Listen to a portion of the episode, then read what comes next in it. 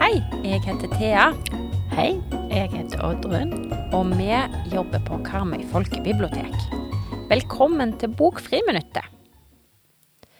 I dag skal vi snakke om Apestjernen, som er skrevet av svenske Frida Nilsson. Og du, Oddrun, har lest denne boka.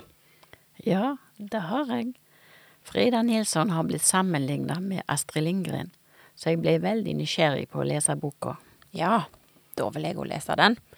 Kan du fortelle noe om hva boka handler om? Ja, det handler om Jonna som er ni år og bor på barnehjem. Barnehjemmet har en streng bestyrer som heter Gerd. Hun er opptatt av renslighet, og barna må vaske seg fra morgen til kveld. Jonna liker seg ikke og drømmer om å bli adoptert. Mhm.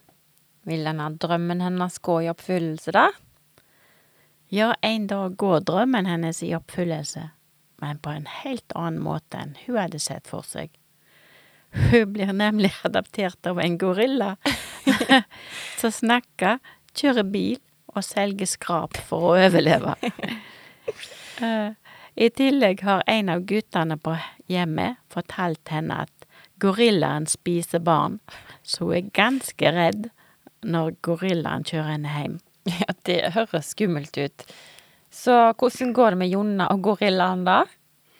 Jeg kan ikke røpe så mye mer av handlingen, men jeg kan si at gorillaen har en fiende som prøver å jage henne vekk fra eiendommen hennes, og der blir det mange konflikter som òg har innvirkning på Jonna.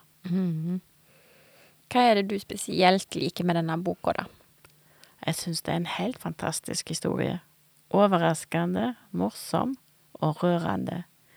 Det er en historie med mange lag og undertekst, så det er en bok både barn og voksne vil ha glede av. Akkurat slik det er med Astrid Lindgren sine bøker òg. Mm. Dette høres ut som en veldig god bok. Og hvis du som hører på, vil vite hvordan det går med Jonna og gorillaen, så kan du låne denne boka, Apestjernen, på Karmøy folkebibliotek.